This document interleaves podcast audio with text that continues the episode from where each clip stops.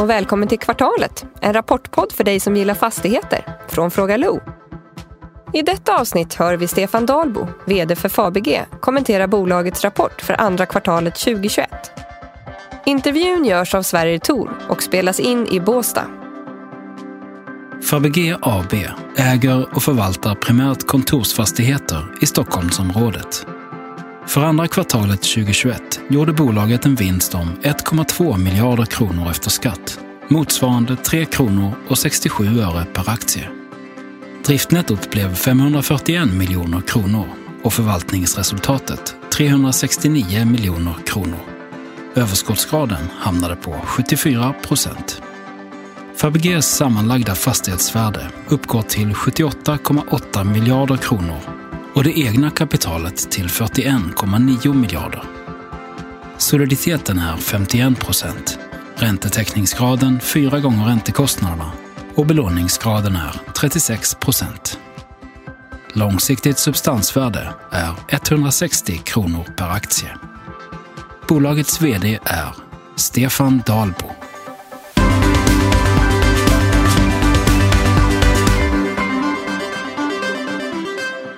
Hej Stefan! Hej! Välkommen till Kvartalet. Tack. Kul att du är med. Det är liksom vår första säsong och, och eh, måste säga väldigt nöjd med, med utfallet än så länge. Ja, det blir jättetrevligt och roligt, roligt initiativ. Mm, tack! Och kul att få vara här i Båstad. Det här är ju lite dina jaktmarker. Ja, jag är, inte, jag är uppväxt inte så långt härifrån och sen har jag faktiskt varit i Båstad varenda sommar sen eh, jag vill inte säga hur många år, men det är många år nu. Ja, ja. sen, jag, sen jag var liten. Okej, okay, och du är väldigt engagerad i tennisen? Så att... Ja, jag har jobbat här mycket i Båstad. Jag har spelat här och sen har jag, var jag ju ordförande i Svenska Tennisförbundet i sju, åtta mm. år. Eh, är du nöjd med rapporten? Ja, det är jag. Jag tycker det är en stark rapport. Mm. Och nu börjar vi också se ljuset i tunneln nu med att det, frågan börjar bli mer normala när det gäller hyresdiskussioner och alltså nyuthyrning och mm. eh, så, så att det börjar bli mer beslutskraft ute i företagen också. Det har ju varit en avvaktande period av naturliga skäl det här ett och ett halvt år som vi har levt med pandemin nu. Men nu börjar det kännas lite mer normaliserat igen och det, det känns skönt. Mm. Jag tänker vi kommer fokusera väldigt mycket på kontorsmarknaden i den här podden för mm. att det är ju, det är ju er kärnaffär. Uh, ni har liksom inga logistikkockar eller någonting som, som stör så det är väldigt mycket kontor. Mm. Men uh, vi, jag tänker vi börjar som vanligt med att, att Niklas Höglund på ILL uh, får göra en liten snabbanalys mm. som vi lyssnar på nu. Ja, snabbanalysen från JLL. När det gäller FABG så är min bild att de går från klarhet till klarhet. Om vi tittar på resultatet så fortsätter det att tyngas något från covid-rabatter och det påverkar såklart hyrestillväxten. Eh, men den är faktiskt oförändrad nu på jämförbara enheter, eh, vilket är lite bättre än vad vi såg under första kvartalet, men definitivt någonting som är lägre än vad vi varit vana att se i FABG före pandemin. Det är viktigt att, att vi ser en stabilisering här och, och tittar vi på nettouthyrningen så är, så är den fortsatt positiv och eh, omförhandlade hyror tycker jag sticker ut på positiva sidan. De är upp med 12 procent. De hade dessutom bara förväntat sig 10 procent upp i, i Q1. Eh, så det betyder att de ligger lite före. Om vi går över till värdeskapande och substansvärde så ökar ju redan hela 10 procent jämfört med föregående år eh, med återlagda utdelningar och det kanske inte låter speciellt mycket när vi har lyssnat på, på andra bolag. Men då ska vi komma ihåg att Fabege har en väldigt stark finansiell position och får relativt låg eh, liksom, hävstång. Men det betyder också att de har låg finansiell risk och potential för förvärv framöver. Om vi sneglar på börsen så tog rapporten till sig och aktien var upp med hela, eller lite drygt 4 procent på rapportdagen trots att den hade, aktien hade gått rätt bra tidigare i veckan med, med stöd från rapporter i sektorn. Och det bryter helt klart eh, ett mönster de senaste kvartalen där aktien haft lite svårt att, performa eller förväntningsbilden helt enkelt varit lite för hög kortsiktigt. Och jag tolkar de här positiva effekterna på aktien också främst till, till utsikterna och, och särskilt kring hyresmarknaden. Man pratar om en säsongs mässig eh, liksom svaghet i Q3 inte bör materialiseras givet eh, de eh, pågående diskussionerna som man har. Att, att det, man bedömer att aktivitetsnivån har liksom fortsatt in i, i tredje kvartalet eh, som är säsongsmässigt svagt och det är ju definitivt någonting man vill höra. Man pratar om oförändrade nivåer på hyror i linje med vad vi såg före covid och det kan vi definitivt bekräfta även liksom på JLL där vi ser faktiskt en viss återhämtning, en positiv effekt på, på CBD och innerstaden i andra kvartalet. Nu ligger vi lite lägre än vad vi gjorde före pandemin men, men högre aktivitetsnivå och, och lite högre hyror faktiskt i, i, våra siffror är någonting som, som också hjälper till att, att eh, underbygga potentialen för Fabege. Börsen däremot har ju haft det lite tuffare att värdera eh, FABG i, i den här pandemin och aktien handlas eh, fortfarande med rabatt till substans. Eh, och marknaden har lyft fram osäkerheter kring både efterfrågan eh, och eh, liksom hyresutvecklingen för kontor. Och man har inte gett bolaget cred för den lågt värderade projektportföljen och relativt eller väldigt låg finansiell risk. Starter av kommersiella projekt och stabilisering av hyresmarknaden samt återhämtningen av intresset för förvaltningsbeståndet generellt är viktiga värdedrivare för aktien, eh, särskilt som den handlas med, med en rabatt vilket gör att, att det finns potential för lite hävstång i den här starka marknaden vi ser just nu. Den starka finansiella ställningen spär ut avkastningen idag och i den här miljön kommer bolaget gynnas av eh, förvärv både av egna aktier och eventuellt kompletteringsförvärv av förvaltningsfastigheter. Och bolaget har en väldigt stark position på hållbarhetssidan, något som minskar riskerna och kommer underbygga potentialen framöver, eller har potential för i alla fall. Stefan Dahlbo han är ordförande i Svenska Tennisförbundet. Man kanske har hört den förut, men eh, jag vill eh, gärna höra om Sverige kommer att få honom att gå på nät. För med den här rapporten i ryggen ser det upplagt för Fabege att vara lite mer aggressiva och flytta fram positionen ytterligare. Det var ju väldigt positiv analys Niklas och, och, rapporten ser ju väldigt stark ut och, och, ni har ju fått, ändå fått mer börsen på sistone också. Men om vi tittar på just kontorsmarknaden, för det är ju som sagt det är ju ert bread and butter. Det pratas mycket om kontorsdöden, att, att det här är liksom en affär som, som tillhör, till, tillhör det förflutna. Vad, vad, vad är din bild? Alltså jag, jag tror väldigt mycket på kontoren. Kontoren kommer behövas för att fortsätta utveckla företagen i och som en del av eh, företagskulturen, byggandet av varumärken. Och sen tror jag dessutom att vi har en annan dynamik när vi träffas fysiskt än när vi träffas över nätet. Därmed inte sagt att det, inte, att det kommer förändras. Jag är helt övertygad om att vi kommer resa mindre, affärsresandet. Eller vi kommer resa annorlunda i alla fall. De här endagarsmötena, många av dem kommer vi klara på digitalt. Vi kommer att eh, kunna jobba på mer, mycket mer flexibelt. Det kan gälla hemifrån, det kan gälla på distans. Det kan gälla delar av dagen. Det kan gälla hela dagar ibland. Jag tror att sen alla företag har hittat sin form för det. Va? Jag, jag, jag sa också tidigare i rapporten att jag, jag är försiktig där med att dra några generella slutsatser. För när vi pratar med kunderna så är det ju alla företag försöker hitta sin väg. Mm. Och sen är det inte alla som kan sitta hemma och jobba. Antingen så har du jobb som kräver att du är ute. Jag menar, vi har ju väldigt många i vårt företag som måste vara ute. Eh, och eh, både på projekt och teknisk drift och förvaltningen så är man ju där kunden är och där vi har våra fastigheter av naturliga skäl. Och så ser det ut på väldigt många företag. Mm. Så att eh, vi kommer nog hitta så många olika lösningar. Men för kontoret tror jag det innebär att eh, fortsätter, det fortsätter innebära, ska jag säga, för den trenden har varit länge att bra lägen, flexibla kontor och med bra lägen menar jag också lägen där du kan lätt att ta sig till och från.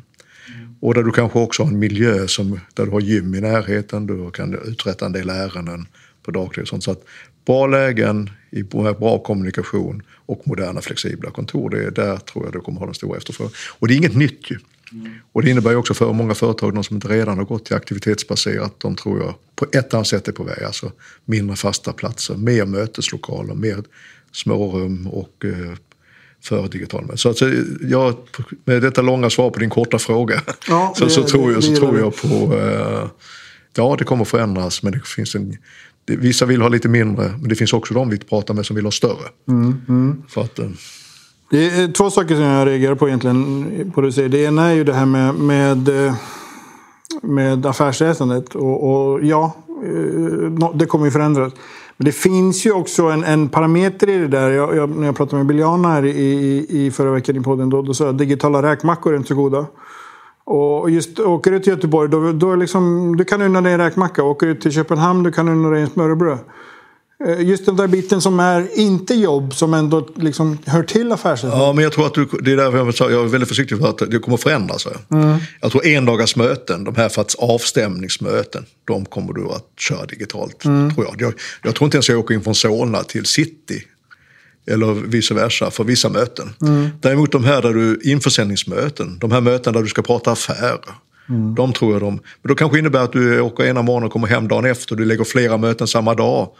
Alltså det finns, jag tror du kommer förändra lite grann det där. Så här rena endagarsmöten då är det för att det är väldigt viktigt eller det är någonting du ska, det verkligen kräver. Va? Mm. Eh, så, så, att jag tror inte du kommer träffas mindre på sådana, utan det, eller jag tror inte det kommer vara mindre väsentligt att träffas. Mm. För du pratar på ett annat sätt. Man sitter mm. i grupp, vi hade en middag här igår kväll, vi satt några stycken, och man pratar affärer på ett helt annat sätt. Ja. Man kommer, det blir en dynamik, och det var det jag sa innan, de här dyna, dynamiken i att träffas. Mm. Den, den försvinner ju inte, utan snarare tvärtom.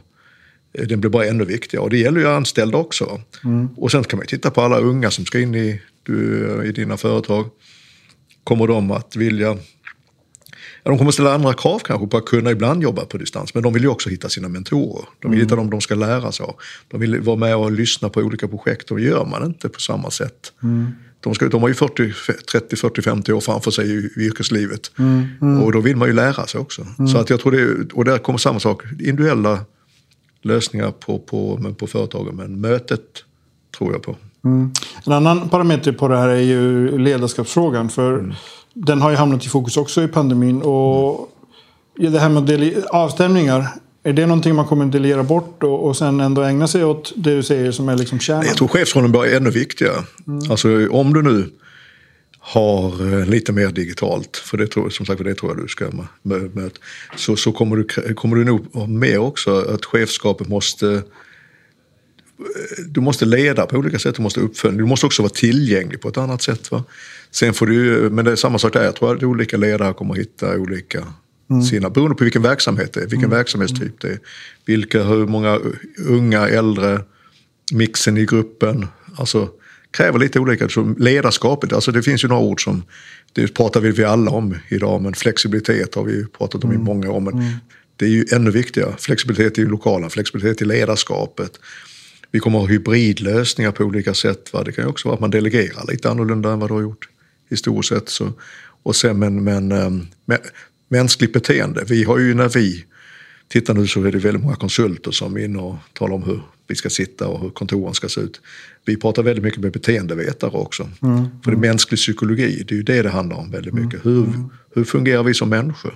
Mm. Vi är flockdjur. Hur kommer vi att anamma det här på individ och gruppnivå?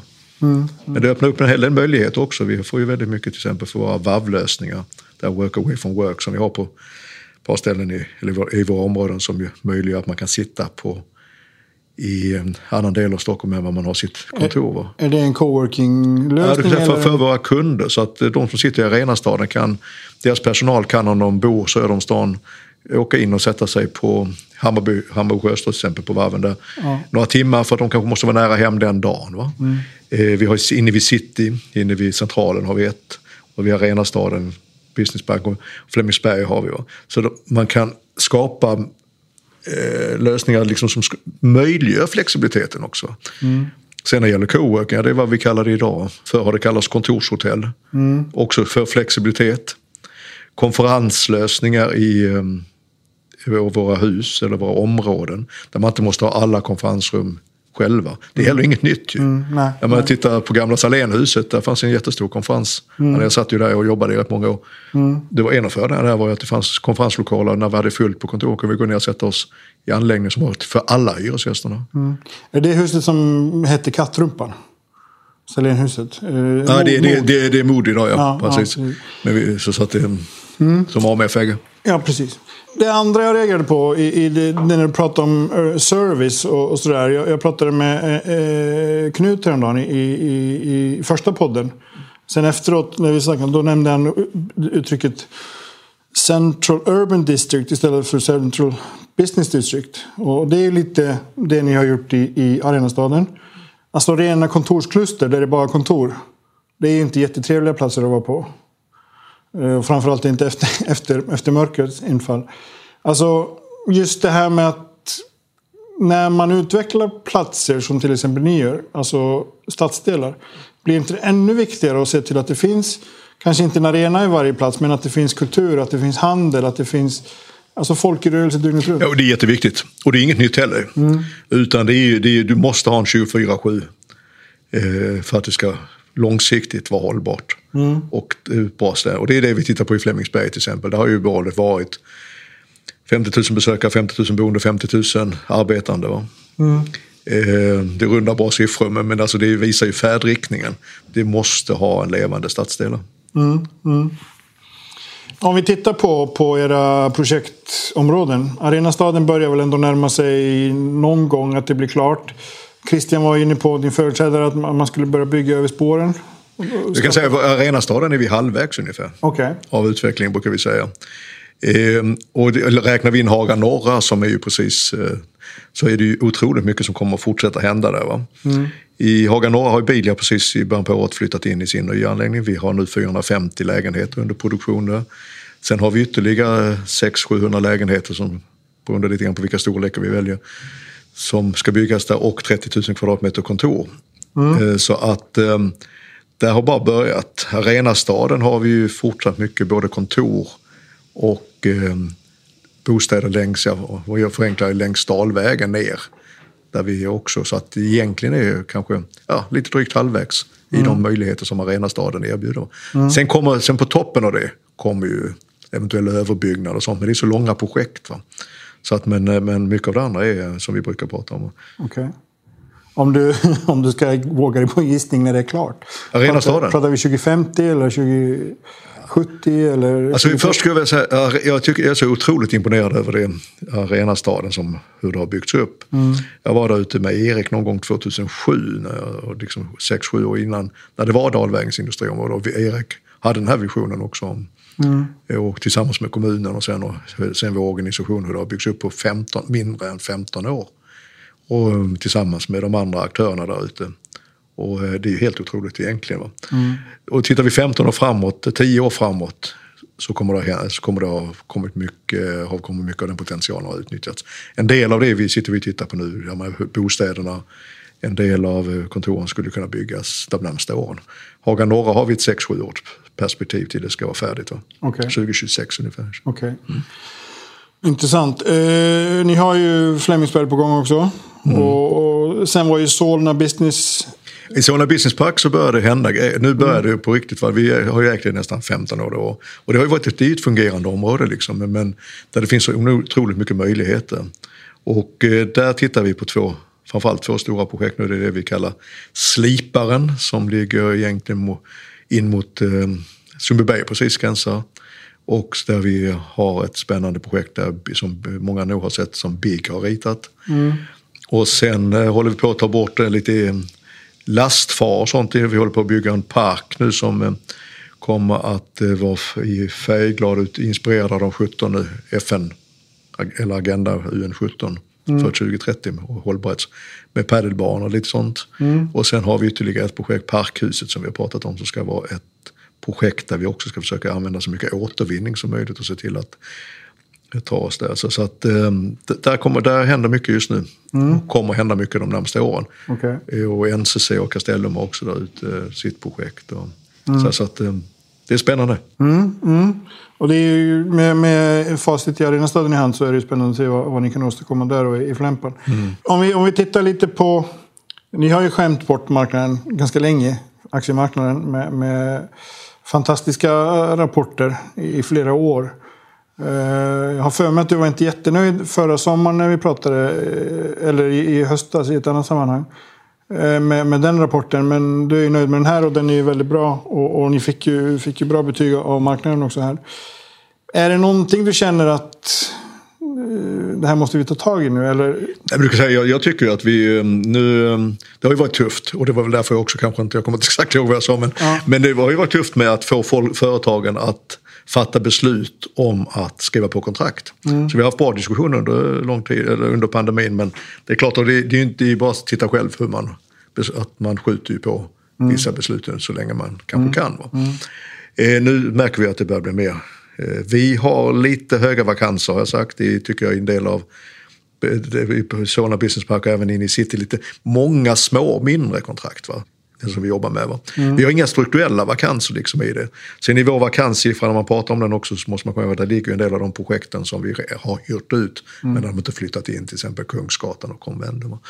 Så att, men jag tycker vi kan, eh, vi förstärker vårt uthyrningsteam. Sen är det ju bara att konstatera också att eh, vi har ju väldigt låga räntor idag. Mm. Vi har haft eh, stor hjälp av fallande avkastningskrav under många år. Vi måste, börja, vi måste se till att vi bygger, verkligen hålla i eh, när vi bygger.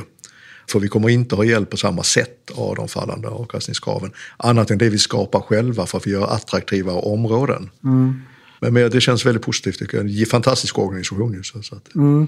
Det finns ju lite inflation sådär någonstans på horisonten på första gången på, på väldigt länge. Hur, hur ser du på det? Jag tycker det är svårt för att, för att ehm, vi, har, vi har ju haft en tillgångsinflation som har varit gigantisk samtidigt som det inte är så vi mäter. Vi ser en kraftig prisuppgång på vissa råvaror men det, det, kommer ju, det fluktuerar ju så det kanske kommer ner så det, är väl inget, det kan bli tillfälligt men vi har ju än så länge haft rätt bra tillgång på arbetskraft så att det har ju inte varit någon löneinflation och det är väl den man ska vara rädd att hålla, hålla ögonen på. Va? Men det, det finns väl inga sådana det finns lite grann i USA för där har de ju strukturella Ja. arbetsproblem. I Sverige har vi ju rätt bra tillgång så så att eh, än så länge tycker jag ändå att det, det känns, kanske det kommer, den tickar upp men det kan nog också förväntas ticka ner Okej. alltså efterhand. Jag har liksom egentligen bara en, en fråga kvar och, och sen ska du få göra en kort liten aktiepitch också. Men eh, uthyrningsläget rent generellt, eh, ser du liksom att det kommer flytta på? Ni har en bra nettouthyrning, 20 miljoner i kvartalet. Till hösten kommer ju eh, Klaus och, och få, en, få en ersättare. Din, din, Ja, Johan Zachrisson Johan första Zachrisson, augusti. som är ju en liten expert på uthyrning. Yes. Ser du liksom att det arbetet kommer liksom trappas upp ännu mer? Ja men det gör det ju. Sen kan jag säga att jag är glad för att Klaus är kvar som senior advisor också så att han, eh, ja, får vi tar del av hans energi. Nej men, nej, men eh, det, är- det är klart vi har ännu mer. Det, det, det blir ju lite nystart på det sättet också eftersom pandemin förhoppningsvis då vi går in i mer normala. Det har varit tufft på det sättet att eh, det är mycket förfrågningar ute nu. Vi har haft mycket visningar under våren och därför har jag också sagt att jag är optimistisk för Q3 som ju normalt sett brukar vara ett rätt lite sämre kvartal. Va? Okej. Men, men, eh, Ja, vi får, vi får se hur det, hur det artar sig. Men nu, nu avslutande. Om du nu inbillar dig att vi tar promenaden här ute till tennisbanan. Kan du berätta för mig under tiden varför jag ska köpa aktier i, i men det är en Fabege? väldigt stark organisation. Affärsmässigheten är Mm. den stora biten. Jag tycker att det är en stor styrka att vi har det här fokuset på Stockholm också. Att vi, kan, vi känner våra områden, vi känner våra, de vi jobbar med, både på leverantörssidan och på kommunsidan. Vi har väldigt många spännande projekt. Vi har ju nästan 800 000, eller cirka 800 000 kvadratmeter eh, på kommersiella sidan. Mm. I bra lägen. Va? Det är det jag, så även om kontor så, så kommer det behövas mycket, framförallt söder om stan där vi har ju. Och sen har vi då 500-600 000 kvadratmeter bostadsbyggrätter också som vi tittar lite mer aktivt på. Hur ska vi säkerställa att vi eh, skapar värden, optimera värdeskapandet på dem. va. Men vi är historiskt sett en affärsmässig organisation med värdeskapande i fokus. Eh, Det här eh, fokus vi har då på liksom det här geografiska huvudstadsområdet. Eller tror jag bra så. att, eh, Mm. Jättesnabbt bara innan vi, när vi rundar av. Eh, De här bostadsbyggrätterna. Eh, Det här är någonting ni kommer äga eller sälja? beror på hur vi ser framför oss att vi eh, skapar bästa värdet på det. Va? Men, men i grunden så är vi ju, har vi vår huvudkompetens på det kommersiella. Men i stadsutveckling skapar så är de här väldigt viktiga. Och det är någonting vi har tagit fram också, att det har blivit skapat av i de här samma, mycket, det mesta i alla fall. Va? Så att vi har ju hälften ungefär i Solna och hälften i Flemingsberg. En hel del av det i Solna visar vi i rapporten skulle också kunna gå att eh, eh, där vi kan sätta spaden i marken de närmsta åren. Okej. Och det är en bra bostadsmarknad. Så, så att, eh, Mm. Men du är inte helt främmande för att äga dem? ord. Alltså nu är det mycket bostadsrätter ju. Och det är mer för att vi, vi har ju tre joint ventures idag. Va? Vi har ju haft och har nästan 900 lägenheter liksom som vi ändå har producerat. Så de joint ventures fungerar jättebra. Och de, vi har SOH i Kista som nästan avslutat. Vi har Brabo i Haga norra. Och det, det är ju ett bra sätt att jobba på för oss också. Va? Men vi, sen har vi mycket kompetens internt också. Så att lite från eh, situationsanpassat. Eh, vad tror vi är bäst? Men eh, värdeskapandet i fokus. Okej. Toppen, Stefan. Eh, vi kommer ses redan på onsdag. Då ska vi spela en liten specialare här. En liten crossover mellan det här kvartalet och vår andra podd, Fastighetspanelen. Men tack så länge. Tack snälla.